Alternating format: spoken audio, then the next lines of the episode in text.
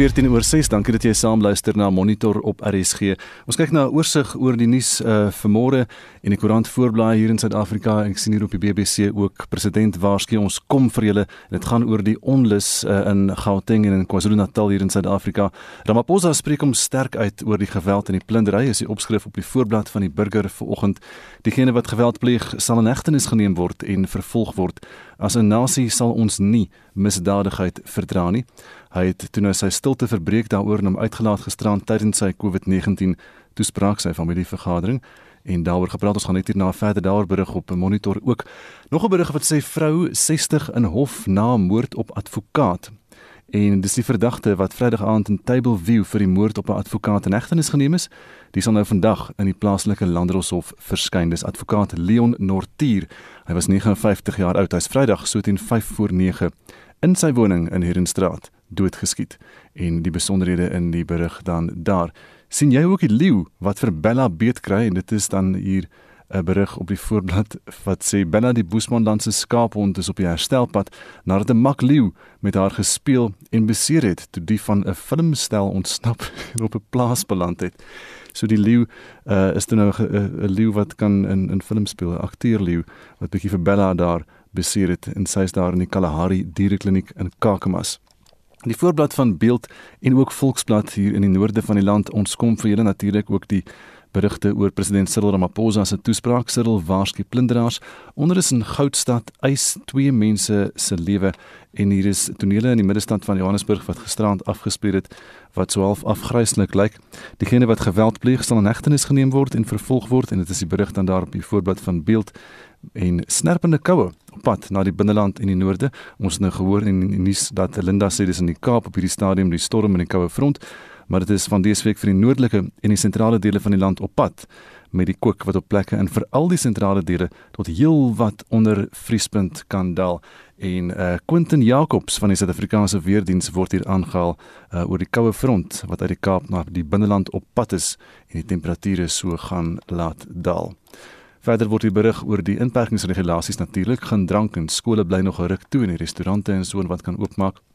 Die voorblad van Business Day ook vandag al die besonderhede oor die inperkingsregulasies en dan wêreldnuus op eh, bbc.com net vinnig Engeland het toe nou verloor die Euro 2020 eindstryd teen Italië en hier is 'n foto van Richard Branson met die met die grootste glimlag denkbaar. Die miljardêr Richard Branson bereik dan nou die die rand van die ruimte in sy Virgin Galactic ruimtetuig. Hy is baie baie in sy skik met homself. Hulle het die laaste 17 jaar lank ontwikkel aan hierdie ruimtetuig en dis net so vinnige oorsig van volgens in nuus.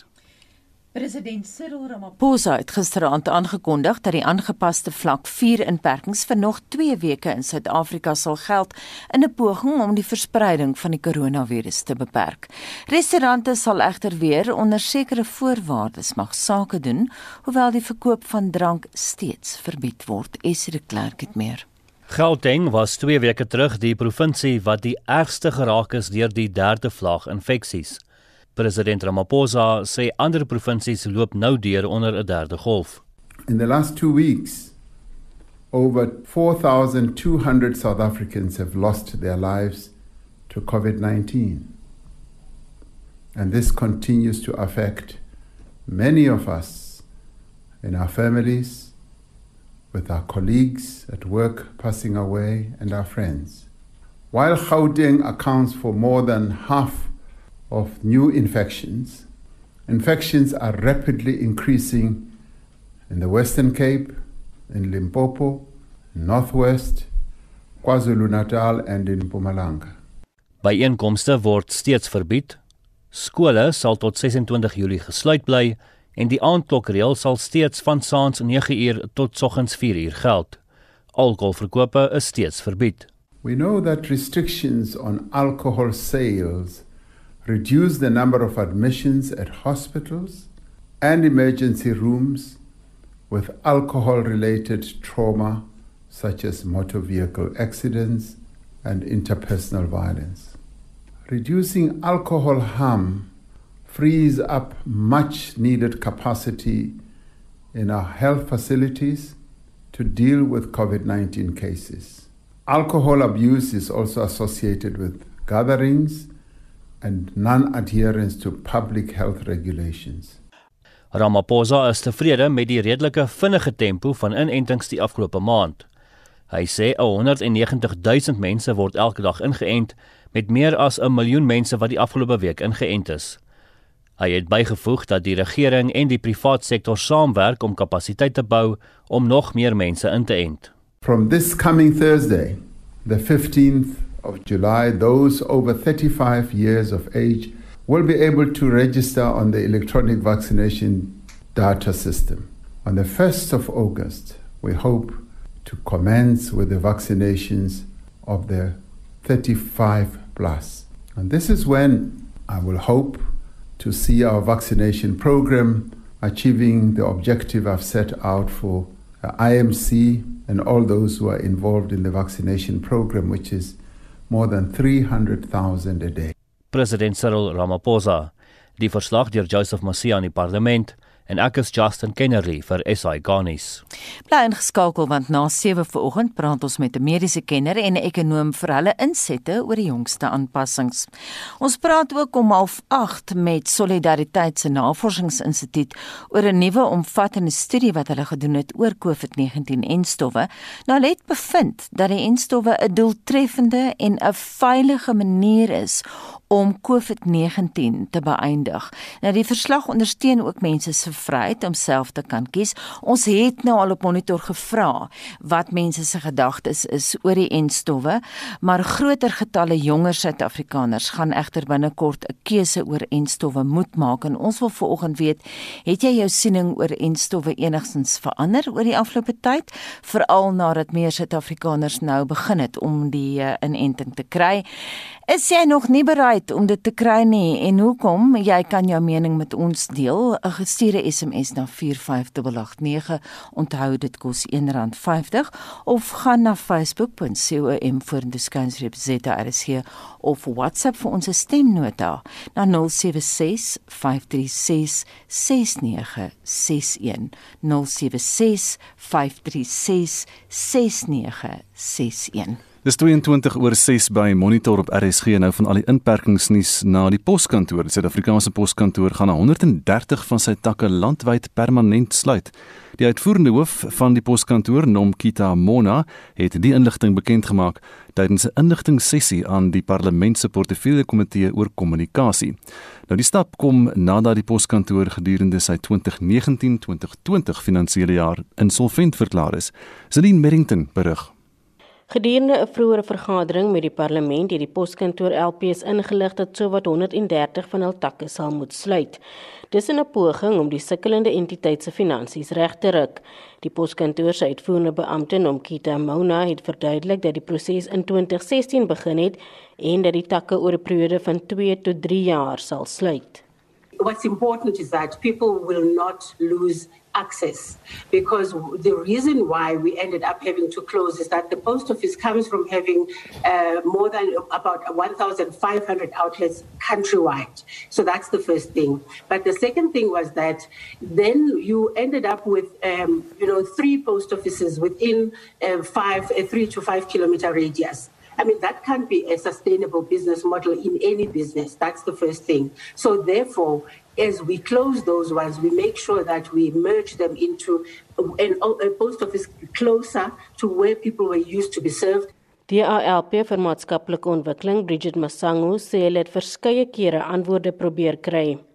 We have asked questions from both the Department of Communications and Social Development for their plans of how they will avert a possible crisis in the grant payment system. Uh, to this day, we have not received any response from either of the departments. We are, as the Democratic Alliance, going to continue to put pressure on government to ensure that the, the crisis that is very, very real, it does not happen. Die Suid-Afrikaanse Sekuriteitsagentskap SASSA het alle navrae na die poskantoor verwys en gesê hulle moet sorg dat kontraktuele ooreenkomste nagekom word. Zelene Merrington, Parlement. Intussen het die poskantoor se woordvoerder Johan Kreer nog inligting oor die proses aan ons bekend gemaak. klompie jaar gelede was dit verpligtend vir die poskantoor om een tak te hê vir elke 10000 volwassenes. En dit het beteken dat daar in die stede eintlik 'n ooraanbod van poskantore is met geweldige uitgawe aan huur en wat ons nou doen is om takke saam te smelt waar daar te veel is. En waar moontlik probeer ons om dit so saam te smelt dat dit in 'n gebou eindig wat deur die poskantore besit word om hier geld te verminder.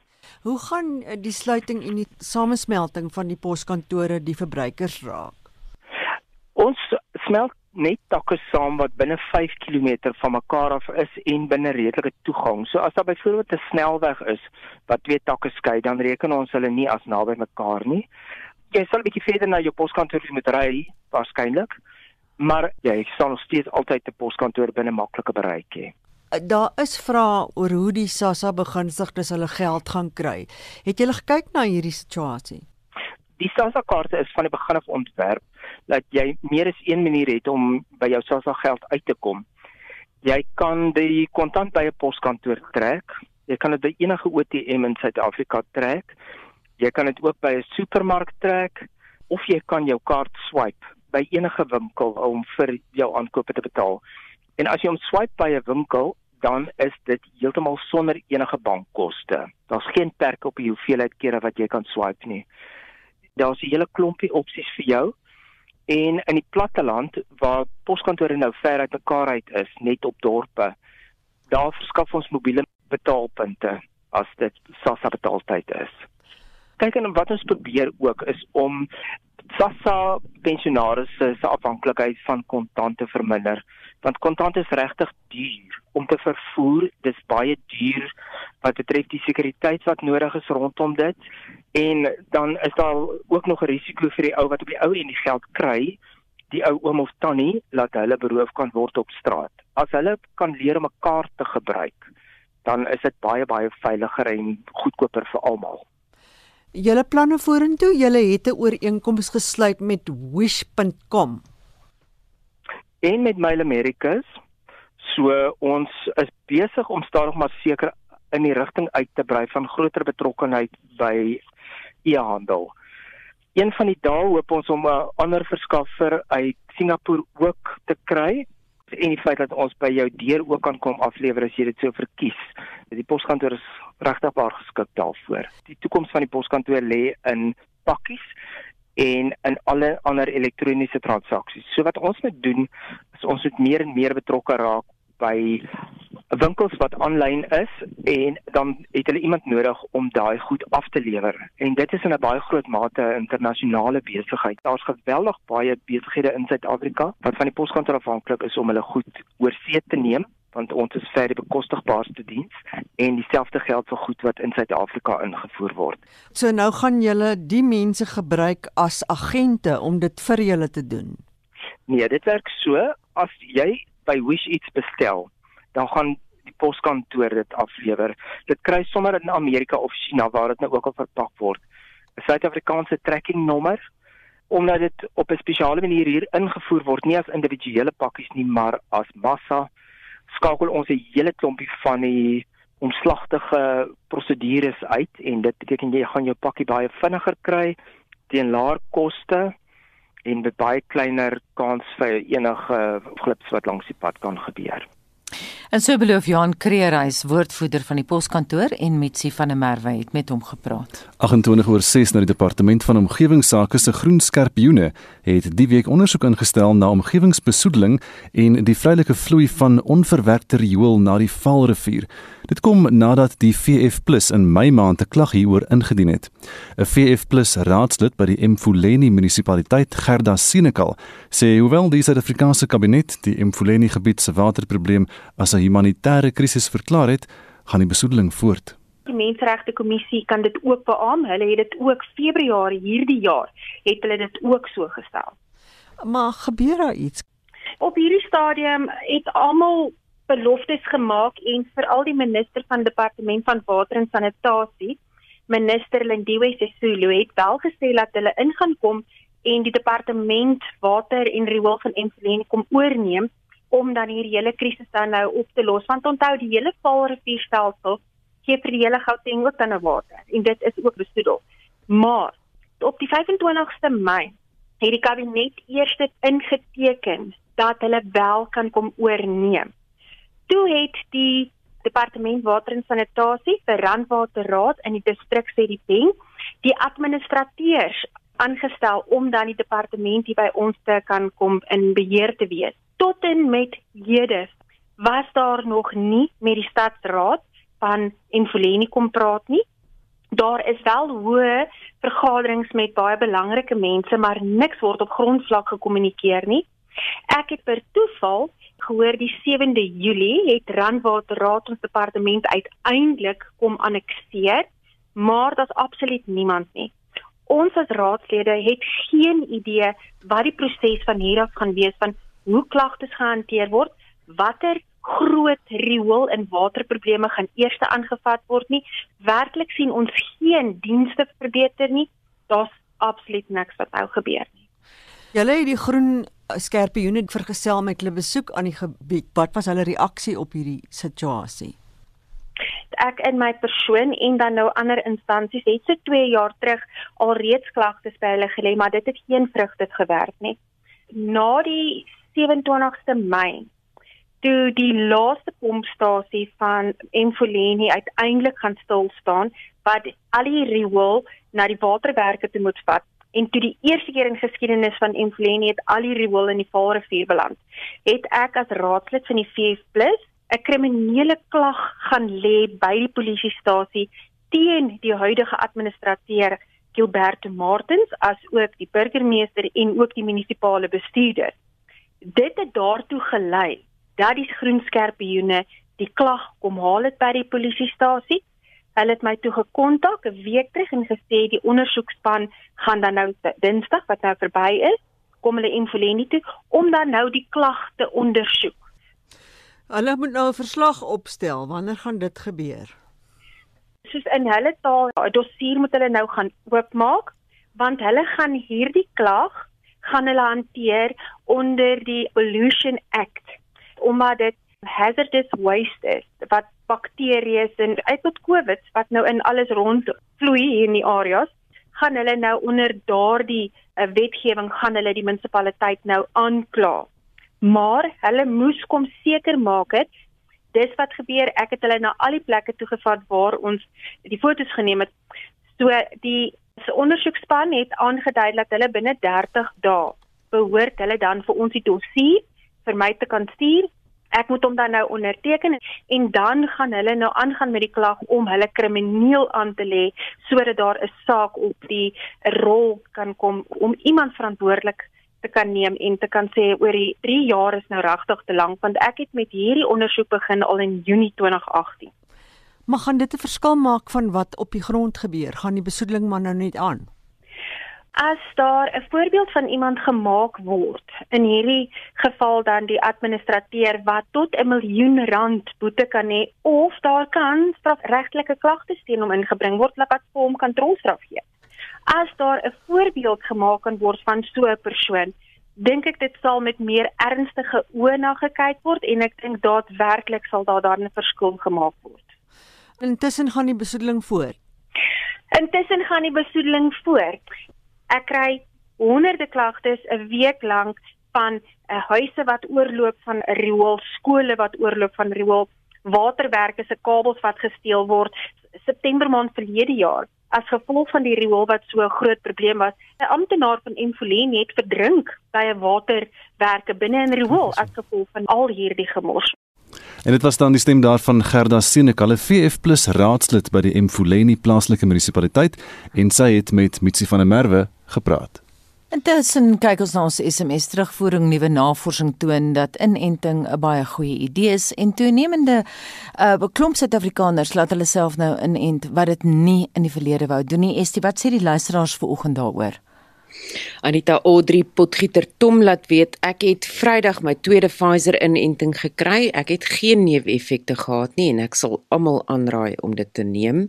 En Wilna Stander sê ek sê nee vir die inenting. Ek het 'n rare bloedsiekte en dus kan ek nie ek of my kinders ingeënt word nie en nou reken mense wat nie ingeënt word nie nou reken mense mense wat nie ingeënt word nie is melaats um, en wat van die gemeenskap uitgesluit moet word en wil na sê in haar mening is dit krimineel. Laat weet vir ons wat jy dink. Het jou siening dalk verander oor enstowwe in die afgelope tyd? Stuur vir ons 'n SMS na 45889 teen R1.50 per SMS.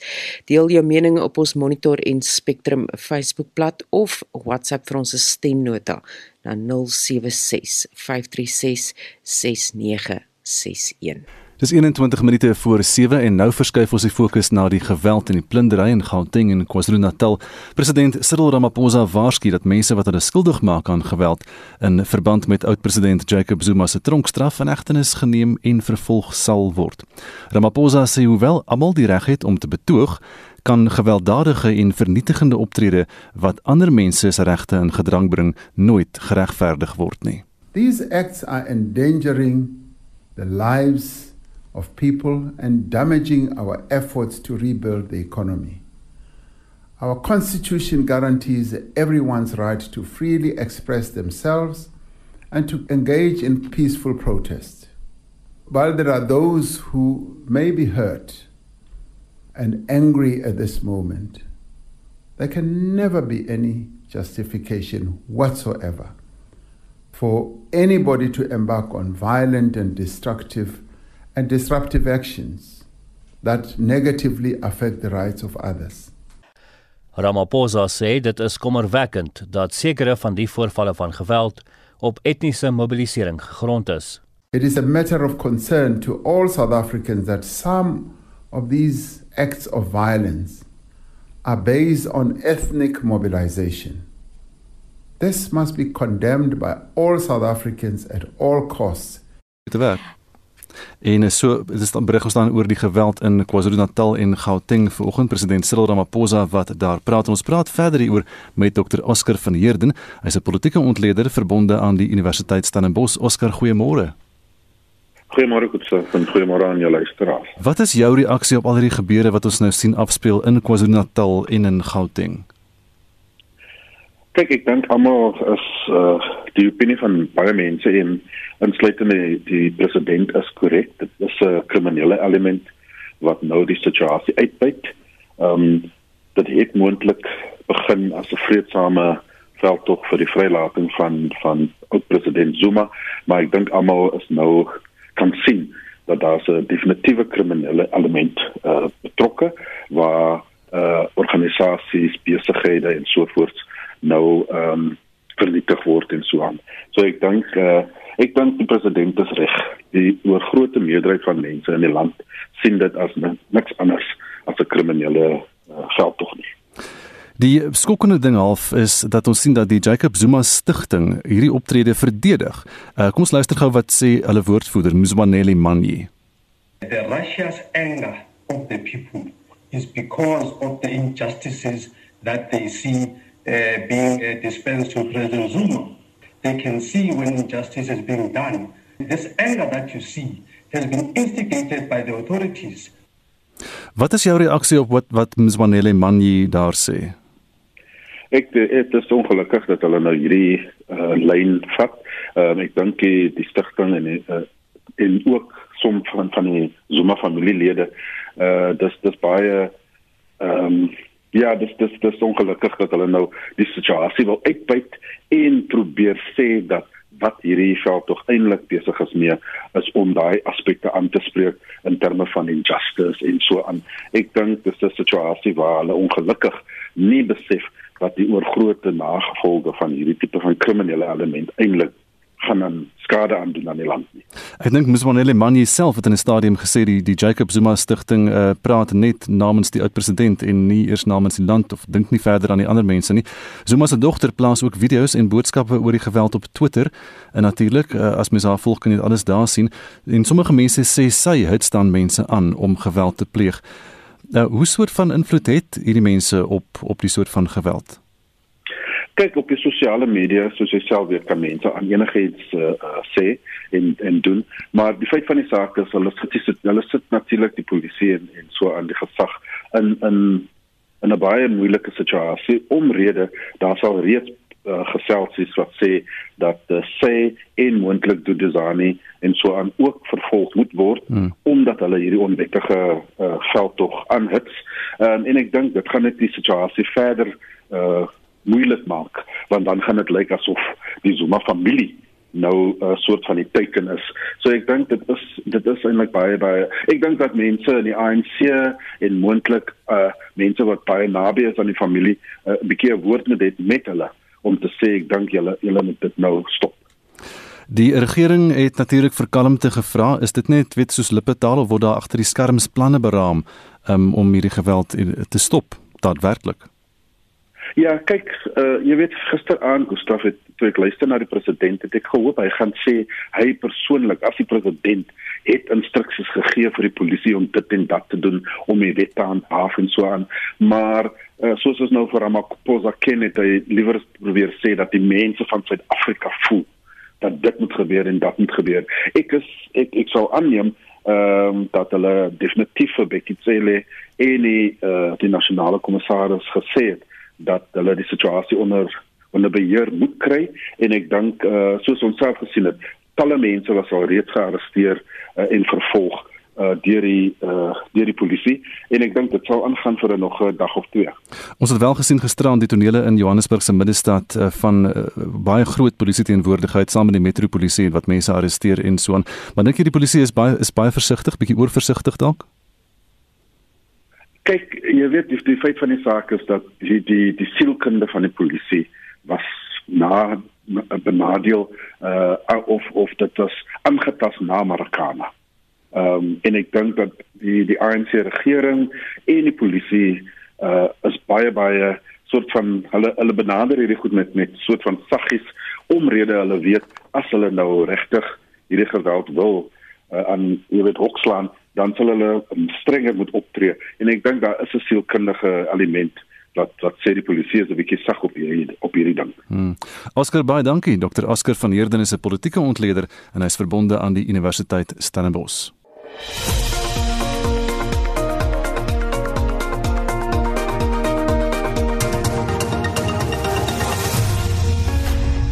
Die Suider-Afrikaanse Ontwikkelingsgemeenskap se ontplooiing in Mosambik het die groen lig gekry en die troepe behoort teen Donderdag in Cabo Delgado te wees, volgens 'n brief wat SADC se sekretariaat se hoof Dr Stergomena Tax einde laasweek aan die sekretaris-generaal van die VN, Antonio Guterres, geskryf het. Vir sy ontleding daarvan praat ons nou met Willem Els van die Instituut vir Sekuriteitsstudies in Pretoria. Goeiemôre Willem. Goeiemôre Anita. Ek het nou uh, die brief onder oë gehad danksy jou en Dr Tax die SADC sekretariaat se hoof verwys in haar brief na die feit dat SADC vir 'n tydperk van 3 maande ontplooi sal word. Daarna sal die situasie heroorweeg word afhangend van wat in Noord-Mosambiek gebeur. Hoeveel geld gaan hierdie ontplooiing SADC kos? Uh, Anita, dit is 'n is 'n moeilike vraag op hierdie stadium want uh, volgens die minister van uh, verdediging van Suid-Afrika uh uh Opisangula uh sal daar eers 'n snel ingrypingsmag ontplooi word. Dit is 'n klein uh 'n voor uh voormag wat sal ontplooi en hulle gaan dan op die grond 'n waardering maak en dan terugvoering gee aan SADC vir verdere ontplooiing. Ons weet dat hulle 'n blinde oog gekry het met die ontplooiing van uh van die Rwandese troepe wat natuurlik nou nie in die beplan die aanvanklike beplanning was nie.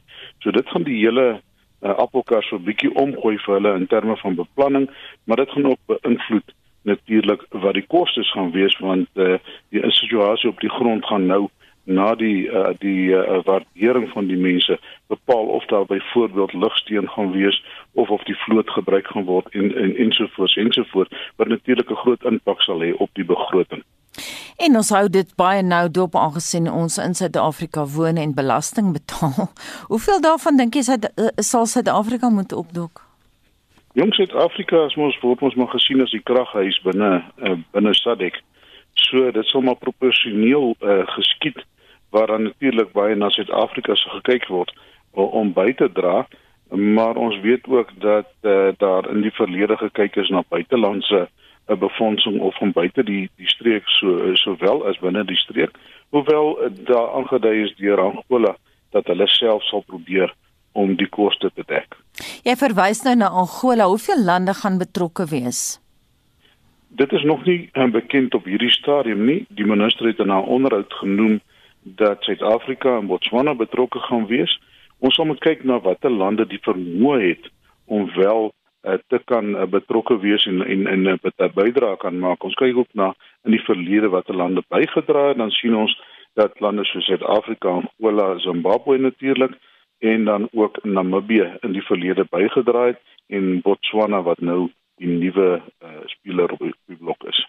Wel, watter lande het nie die vermoë om by te dra nie? Ag jy kyk na lande byvoorbeeld soos soos uh, Swaziland wat natuurlik baie probleme op die oomblik het.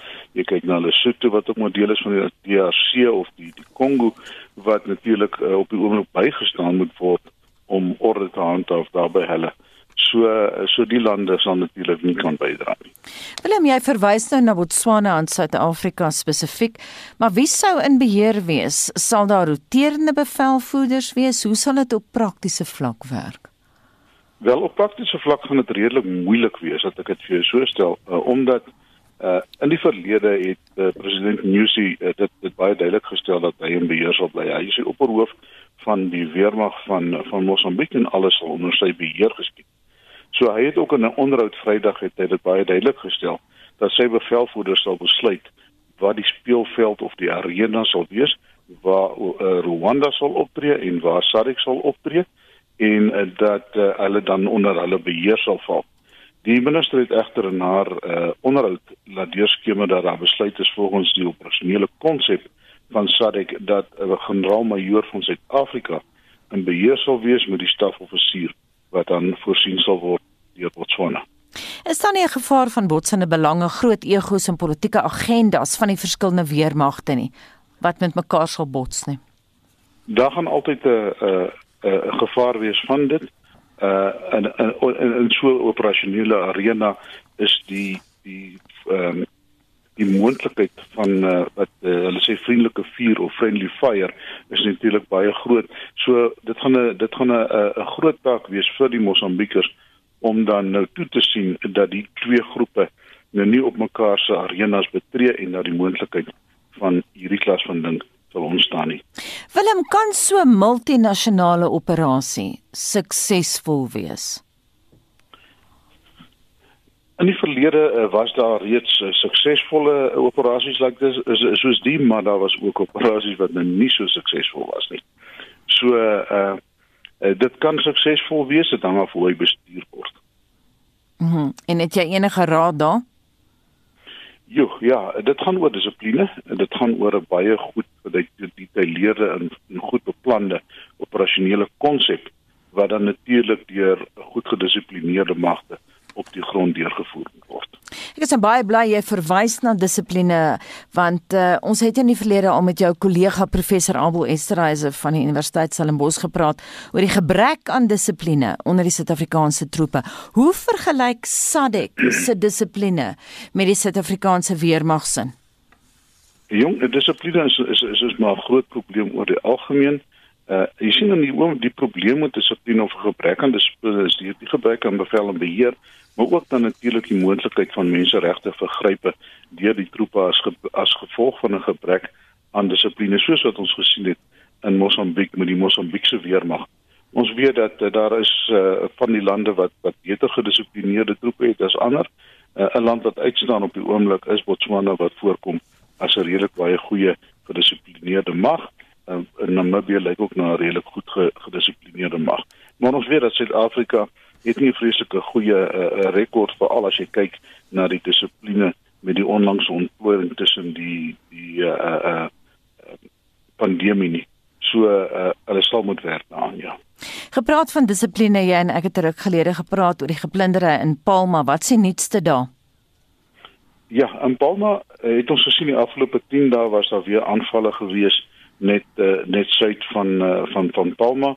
En Palma self is nie aangeval nie, maar van klein dorpies rondom hom en dan ook natuurlik daar is van die klein dorpies of uh, die villages soos hulle dit noem daar uh uh suid van die van die Afungi's ook aangeval en dan was daar ook verskeie aanvalle in die Moidombe area gewees. So ja, die die oor die uh, operasies is in die gang daarso. Uh die weermag weet ons het begin opmars en hulle is gestop by die dorpie Diaka met, met waar daar redelike weerstand on, on, uh, ondervind is. Maar ons sien ook dat van die soldate dit het uitgekom dat weer nuwe inligting uitgekom van hoe die soldate na die aanval op Pemba die banke en die plekke en die besighede geplunder het uh, van finansies maar ook van ander waardevolle toerusting. Willem die staatsveiligheidsagentskap het laasweek bevestig dat Robert McBride hoof van die agentskap se buitelandse afdeling geskort is. Ons het nie enige redes ontvang nie. Daar word bespiegel dit het te doen met vier Suid-Afrikaanse spioene wat in Maputo gevang en gestrand gelaat is. Het jy die nuutste inligting daaroor? Uh Anita, daar is nog nie baie beskikbaar behalwe wat in die in die pers uitgekom het. Maar wat ons weet is dat jou intelligensiediens in enige land vorm 'n integrale grale deel van jou uh, ambassade personeel of van jou ontplooiing in 'n ander land. Maar daar is baie streng protokols wat natuurlik gevolg moet word met die ontplooiing van die mense en hoe hulle kan optree.